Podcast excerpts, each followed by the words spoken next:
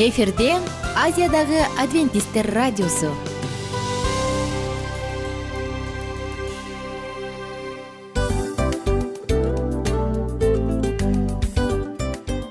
Достор салют. Баардык сүйүктүү угармандарыбызга салам айтабыз. Кутман күнүңүздөр менен.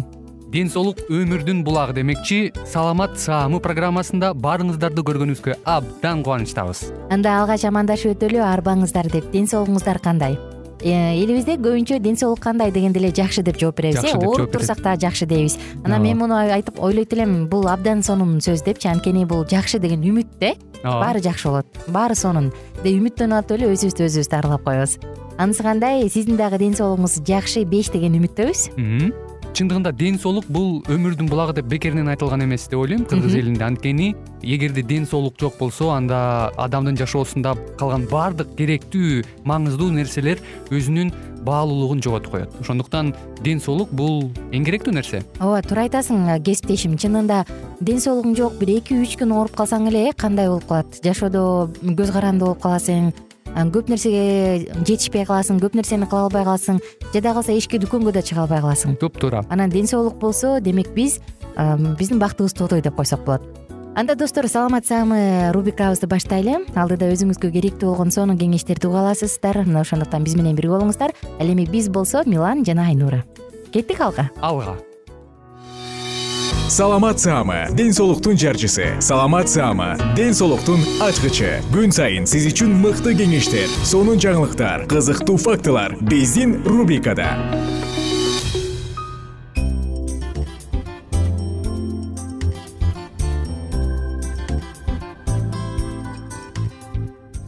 кутман күнүңүздөр менен достор айымдар жана мырзалар жалпыңыздар менен амандашып биз саламат саама рубрикасында төшкө кам көрүү үчүн табигый каражаттар жөнүндө сөз кылабыз.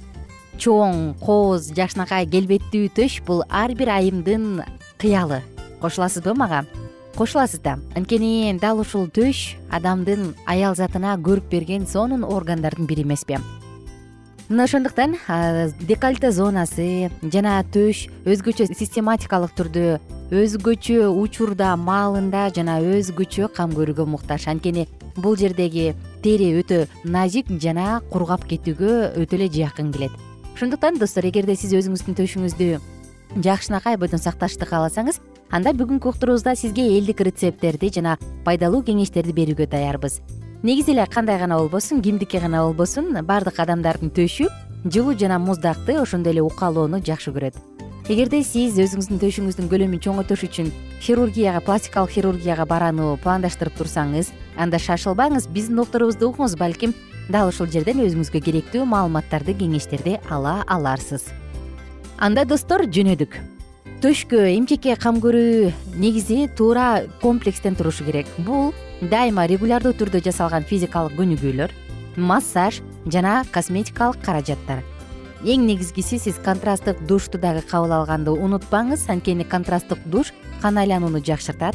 Клеткалардагы жана ткандарды ошондой эле төштүн эластикалык э, байланыштыруучу балардын баардыгын тең эң сонун эластичтүү кылып коет. Өзүңүзгө өзүңүз массаж жасасаңыз болот. Эми каяка массажга барам деп сарсанаа болбоңуз?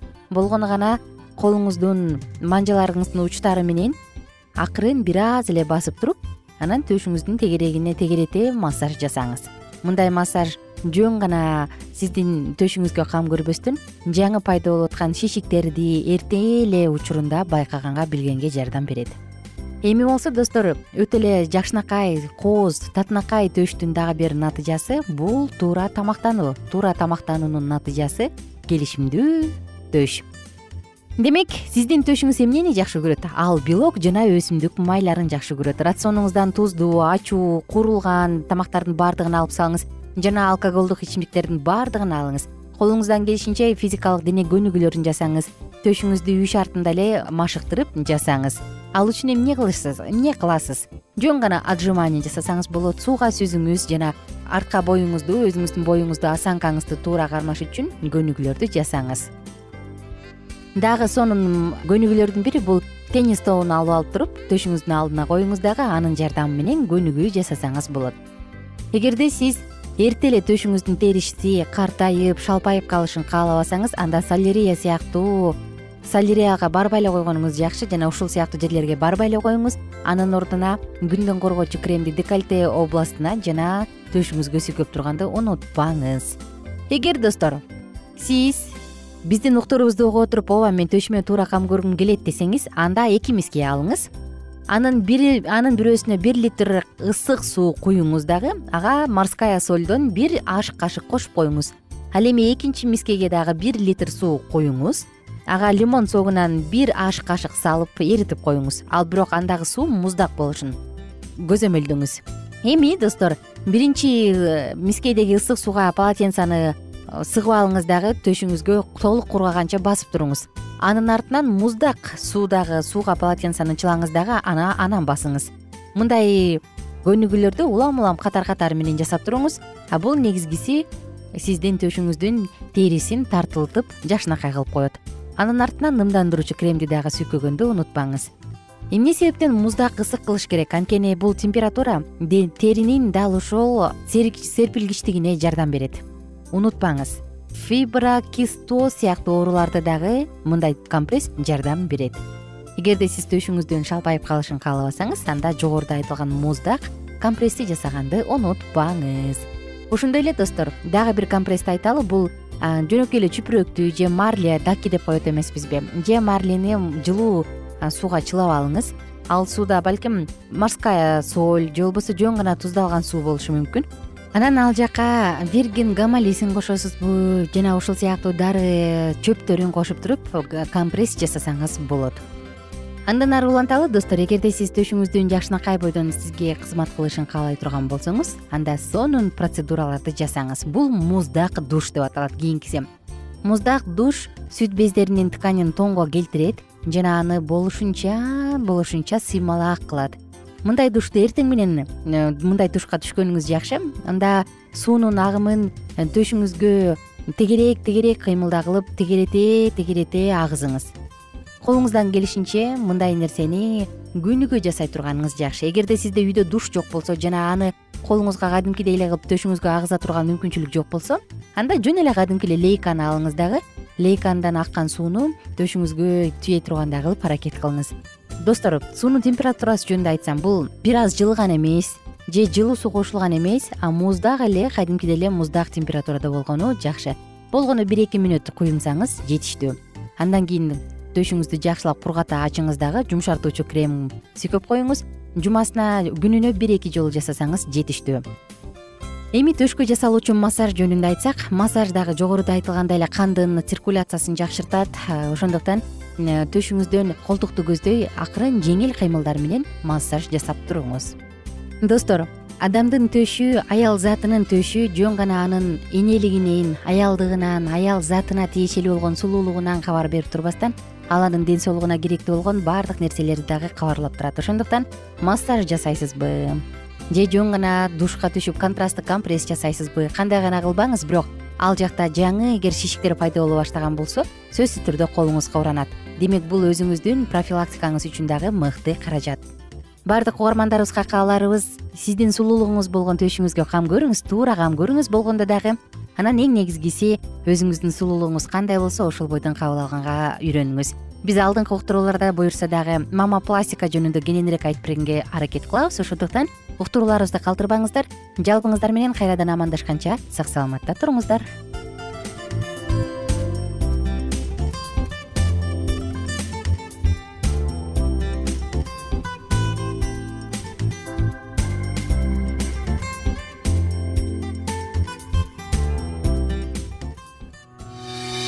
саламат саама ден соолуктун жарчысы. Саламат саама ден соолуктун ачкычы. Күн сайын сиз үчүн мыкты кеңештер сонун жаңылыктар кызыктуу фактылар биздин рубрикада.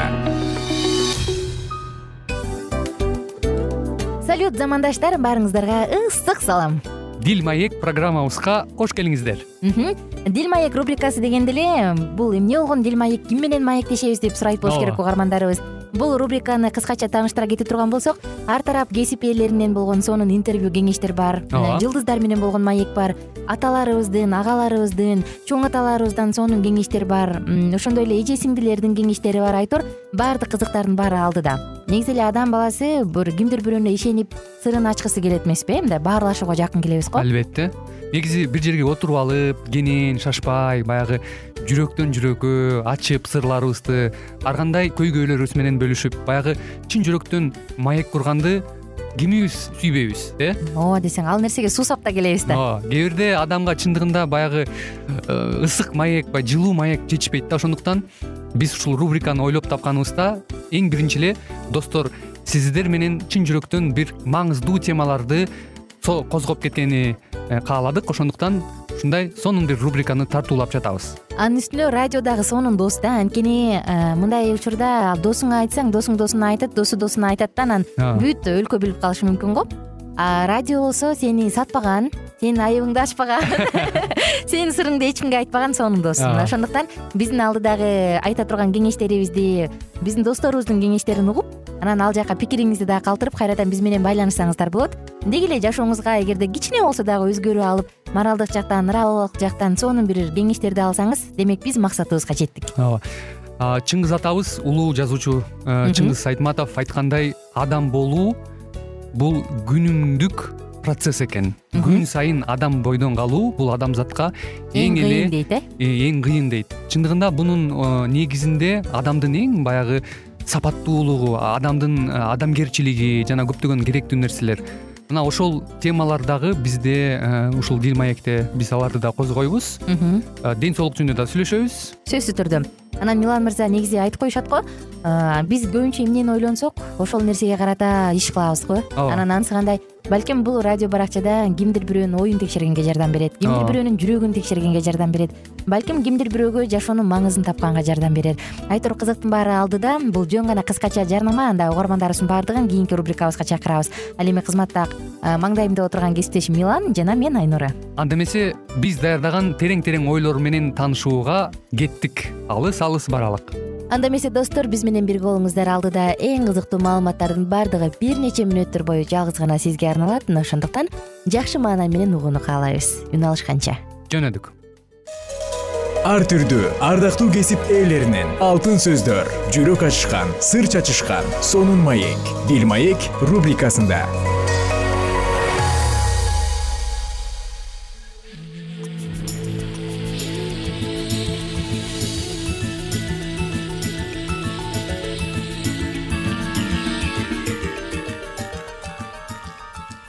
кутмандуу күнүңүздөр менен кымбаттуу радио угармандарыбыз кайрадан эле сиздердин назарыңыздарда бактылуу никенин баалуу эрежелери аттуу программабызды баштамакчыбыз. Бүгүнкү программабыздын чыгарылышында кайрадан эле сиздер менен кызматыңыздарда аты жөнүм мен улан жана ошондой эле кесиптешим жана ошондой эле мен асель. Саламатсыңарбы аялдардын жалгыздыгынын себептери туурасында сөз кылмакчыбыз. Андыктан бүгүнкү ободо биздин уктуруудан алыстабай биз менен биргеликте болуңуз. Аялдардын жалгыздыгынын себептери психологдор. Аялдардын жалгыз болушуна өздөрүнүн туура эмес кылык жоругу же көз карашы себепкер деп айтышат. Андыктан түгөлүү болгусу келген аял биринчи кезекте өзүн өзгөртүүсү кажет. Бирок айымдар бир нече жылдар жалгыз жашаса жана эркек менен туруктуу мамиле күтө албаса анда психологиялык көйгөйлөр себеп болушу мүмкүн. Үй бүлө курууга тоскоол болгон психологиялык факторлор биринчиден өзүнө өзү ишенбөө жана таарынчактык болуп чыгат. Жалгыз бой аял көпчүлүк учурда өзүнө өзү ишене бербейт жана башкаларга да жакпайм деп ойлойт. Эркектер менен мамиле курганда өзүнчө кысылып уялып өзүн олдоксун сезе берет. Аял канчалык сулуу сүйкүмдүү болбосун. Өзүнө өзү ишенбесе канааттанбаса эркектердин көңүл борборунда боло албайт ошондой эле эркектерден коркуу жана аларга ишенбөө. Эркектерден коркуу жана аларга ишенбөө. Аялдардын аң сезиминде эркектерге карата калыптанып калган коркуунун себептери. Өспүрүм кезде сүйүүдөн көңүл калуу үй бүлөдө ата энесинин бактысыз жашоосунун кесепети жалгыз бой эненин тарбиясы кызын үй бүлөдө катуу кармап тыюусу кызга эркектин баары акмак аялдарды алдап таштап кетет деген сыяктуу сөздөрдү айта берүүсү. Ушул себептерден улам кыздарга эркектерге ишенбөөчүлүк пайда болуп бактылуу боло албайм деп өзүн андан оолак кармашат экен. Ошондой эле убактысынын баардыгын ишине арноо азыркы заманда аялдар бизнес карьера деп жүрүп жеке турмушуна убактысы күчү да калбай калат. Мындай аялдар өзүнүн көз карандысыздыгынын эркиндигинин аябай баалагандыктан эркектер менен мамилени обочороок кармашат.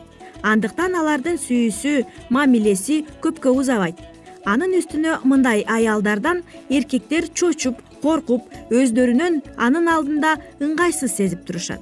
Эркектер көпчүлүк учурда алсыз жөнөкөй аялдар менен мамиле курушат. Ошондой эле адатта өзүнүн сырткы келбетине карай албаган аялдар дагы катардан чыгат көпчүлүк жалгыз бой аялдар сырткы келбетине анчалык маани бере беришпейт жана кам көрө билбейт. Бул нерсе үй бүлөдөгү тарбиядан да болот. Алар модага кызыкпайт боенгуч тагынгычтардан алыс салмагына көңүл бурушпайт. Жыйынтыгында бир топ эле өңү суук көрүнүшөт. Эркектер көзү менен сүйгөндүктөн өзүлөрүнө караган сымбаттуу аялдарга көбүрөөк көңүл бурушат андыктан бул жаатта дагы биз жалгыз бой аялдарга арналган дагы бир нече кеңештерди дагы бере кетсек. Биринчиден өзүн баалоо. Мен кыйынмын күчтүүмүн сулуумун деп өзүн өзү ишендирип өзүнүн баасын көтөрүп туруу керек. Эгер аялга убакыт жана каражат болсо мыкты психологко барып кеңеш алышы зарыл. Келбетиңизге кам көрүү. Келбетке кам көрүү анткени аял өзүн өзү караганда өзүн сүйө баштайт. Өзүн сүйгөн адамды айланадагылар да сүйүшөт. Ошондой эле эркектерге карата өзүңүздүн мамилеңизди оңдоо аял эркекке болгон тескери ойлору менен күрөшү керек.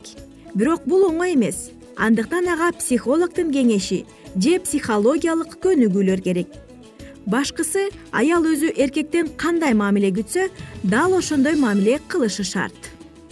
Мындан сырткары дагы жумуш менен жеке турмуштун ортосундагы тең салмактуулукту сактоо. Иштин баарын жасап бүтө албайсың. Иштеп акчанын баарын таба албайсың.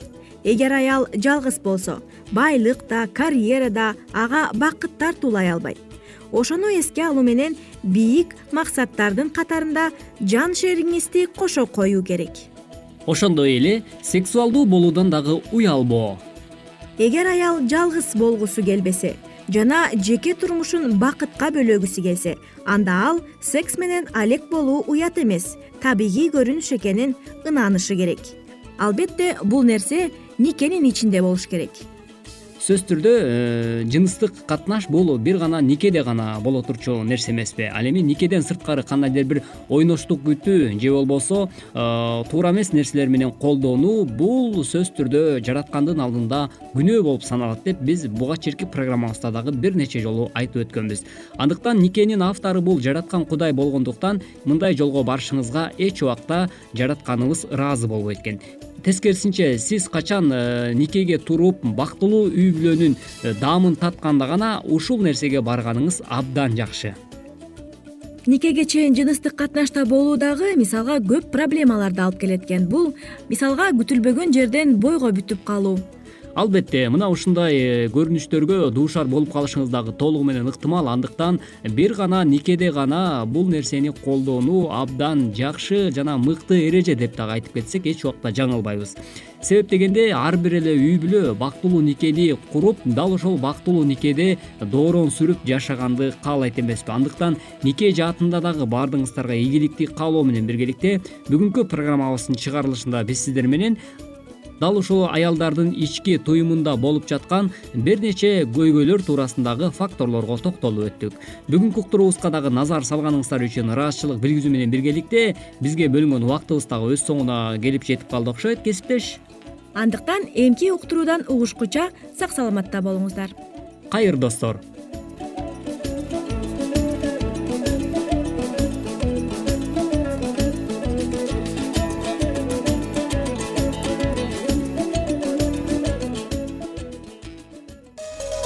ар түрдүү ардактуу кесип ээлеринен. Алтын сөздөр жүрөк ачышкан сыр чачышкан сонун маек. Дил маек рубрикасында.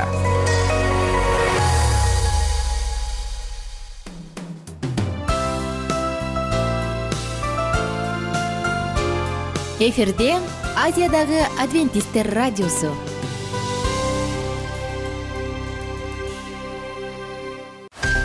жан дүйнөңдү байыткан жүрөгүңдү азыктанткан жашооңо маңыз тартуулаган жан азык рубрикасы.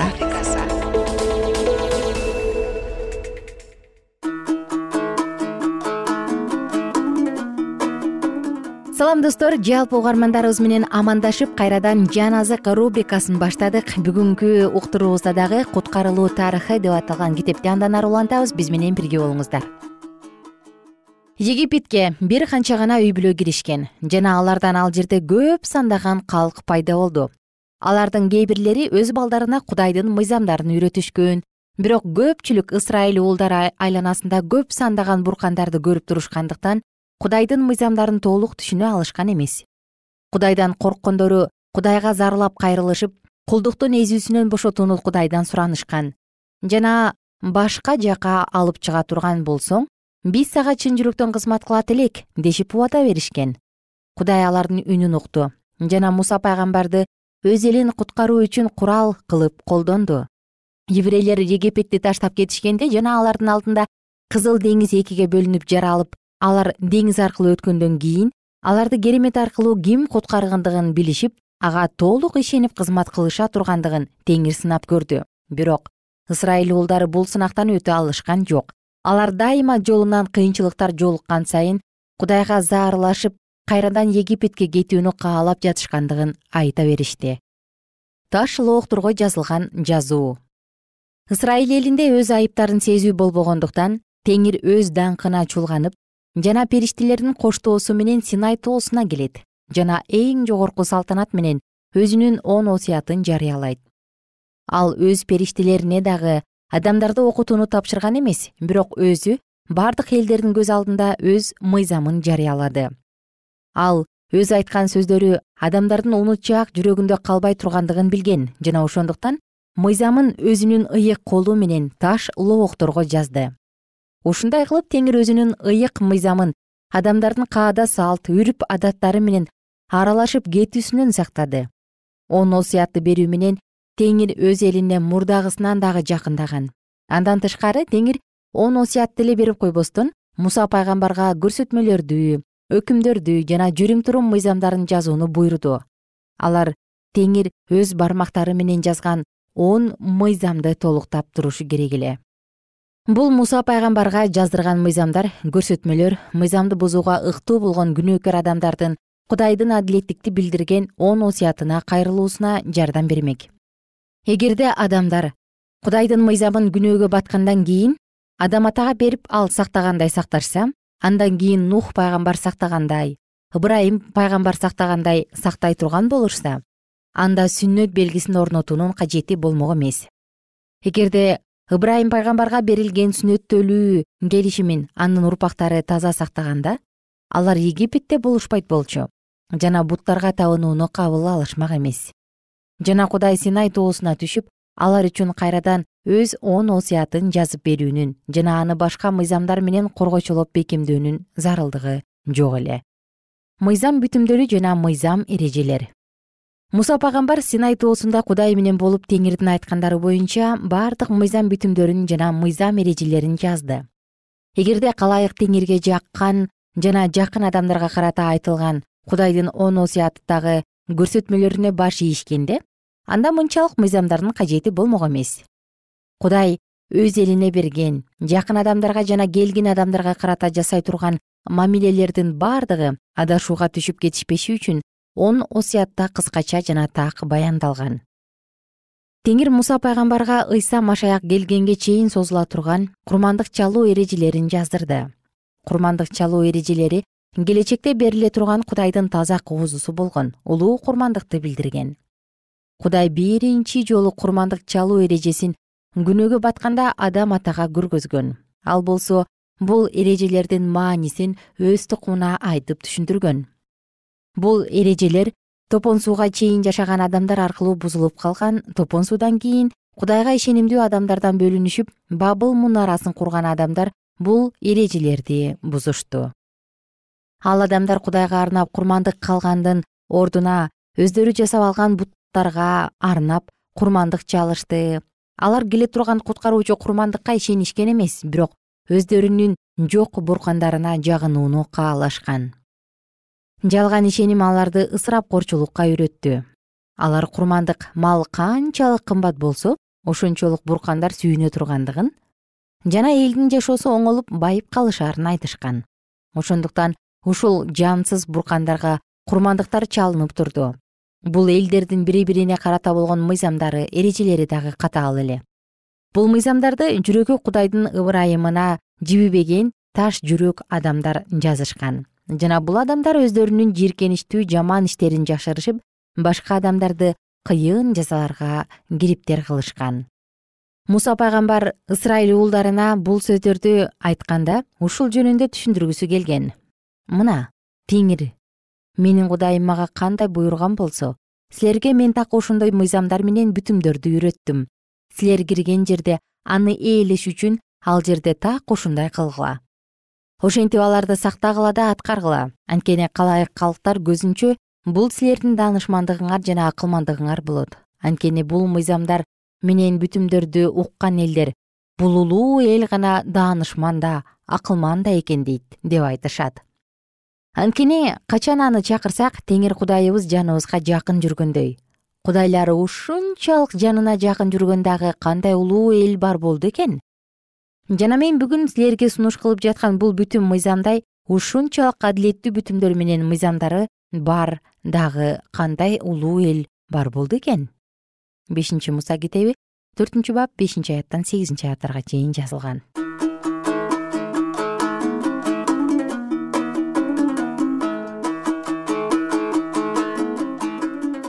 кымбаттуу угарман жалпыңыздар менен бүгүн дагы куткарылуу китебинен сонун үзүндү окуп өттүк. Изелден эле он таш лоокто кандай жазылган болсо ал осуяттар бүгүнкү күнгө чейин ошол бойдон калып келет. Мына ошондуктан эгерде жаратканга жаккан нерсени издей турган болсок анда анын баардыгынын тамырын дал ошол жактан издешибиз керек. Достор сиздер менен биз убактылуу гана коштошобуз. Жана кийинки алдыңкы уктурууларда кызыктуу окуябызды китептин уландысын андан ары улантабыз. Биз менен бирге болуңуздар күнүңүздөр көңүлдүү улансын жана сиздердин маанайыңыздарды эч нерсе чөктүрбөсүн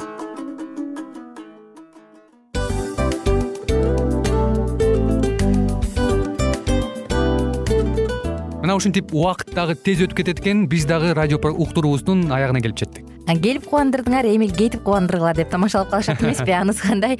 Радио баракчабызды программабызды азыр эле баштап аткандай болдук элек. Мына соңуна келдик э? Негизи убакыт э, билинбей өтүп кетет экен?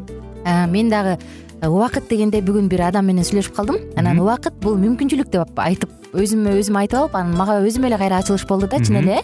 Э, карап отурсаң ошол эле жыйырма төрт саат ошол эле жарым саат кайталанып атат. Бирок сендеги мүмкүнчүлүк жок ошол кой берилип кетти? Анысы кандай? Бүгүнкү сонун убактыңызды алтындай болгон жарым саатыңызды бизге бөлүп арнаганыңыз үчүн ыраазычылык айтабыз анан жашооңуздун кайсы бир сферасын өзгөртө турган сонун пайдалуу кеңеш алган болсоңуз анда биз максатыбызга жеттик. Анан ушул нерсени кылбасам десеңиз ошол өзгөрүүлөрдү кичинекей кадамдардан баштап иш жүзүнө ашырыңыз дагы жашооңузда чоң чоң ийгиликтерге жетиңиздер. Чын жүрөктөн ар бир берилген кеңештер сөздөр сиздерге пайдасын алып келет деп ишенебиз. Жана кийинки уктурууларда сөзсүз түрдө чыдамсыздык менен сиздерди күтөбүз сагынычтуу салам айтып кайрадан дал ушул жыштыктан баардыгыңыздарды тосуп алганча кызматта мен айнура жана кесиптешим милан. Анда колпул каалайбыз жалпыңыздарга ийгиликтүү күн. Саламатта калыңыздар.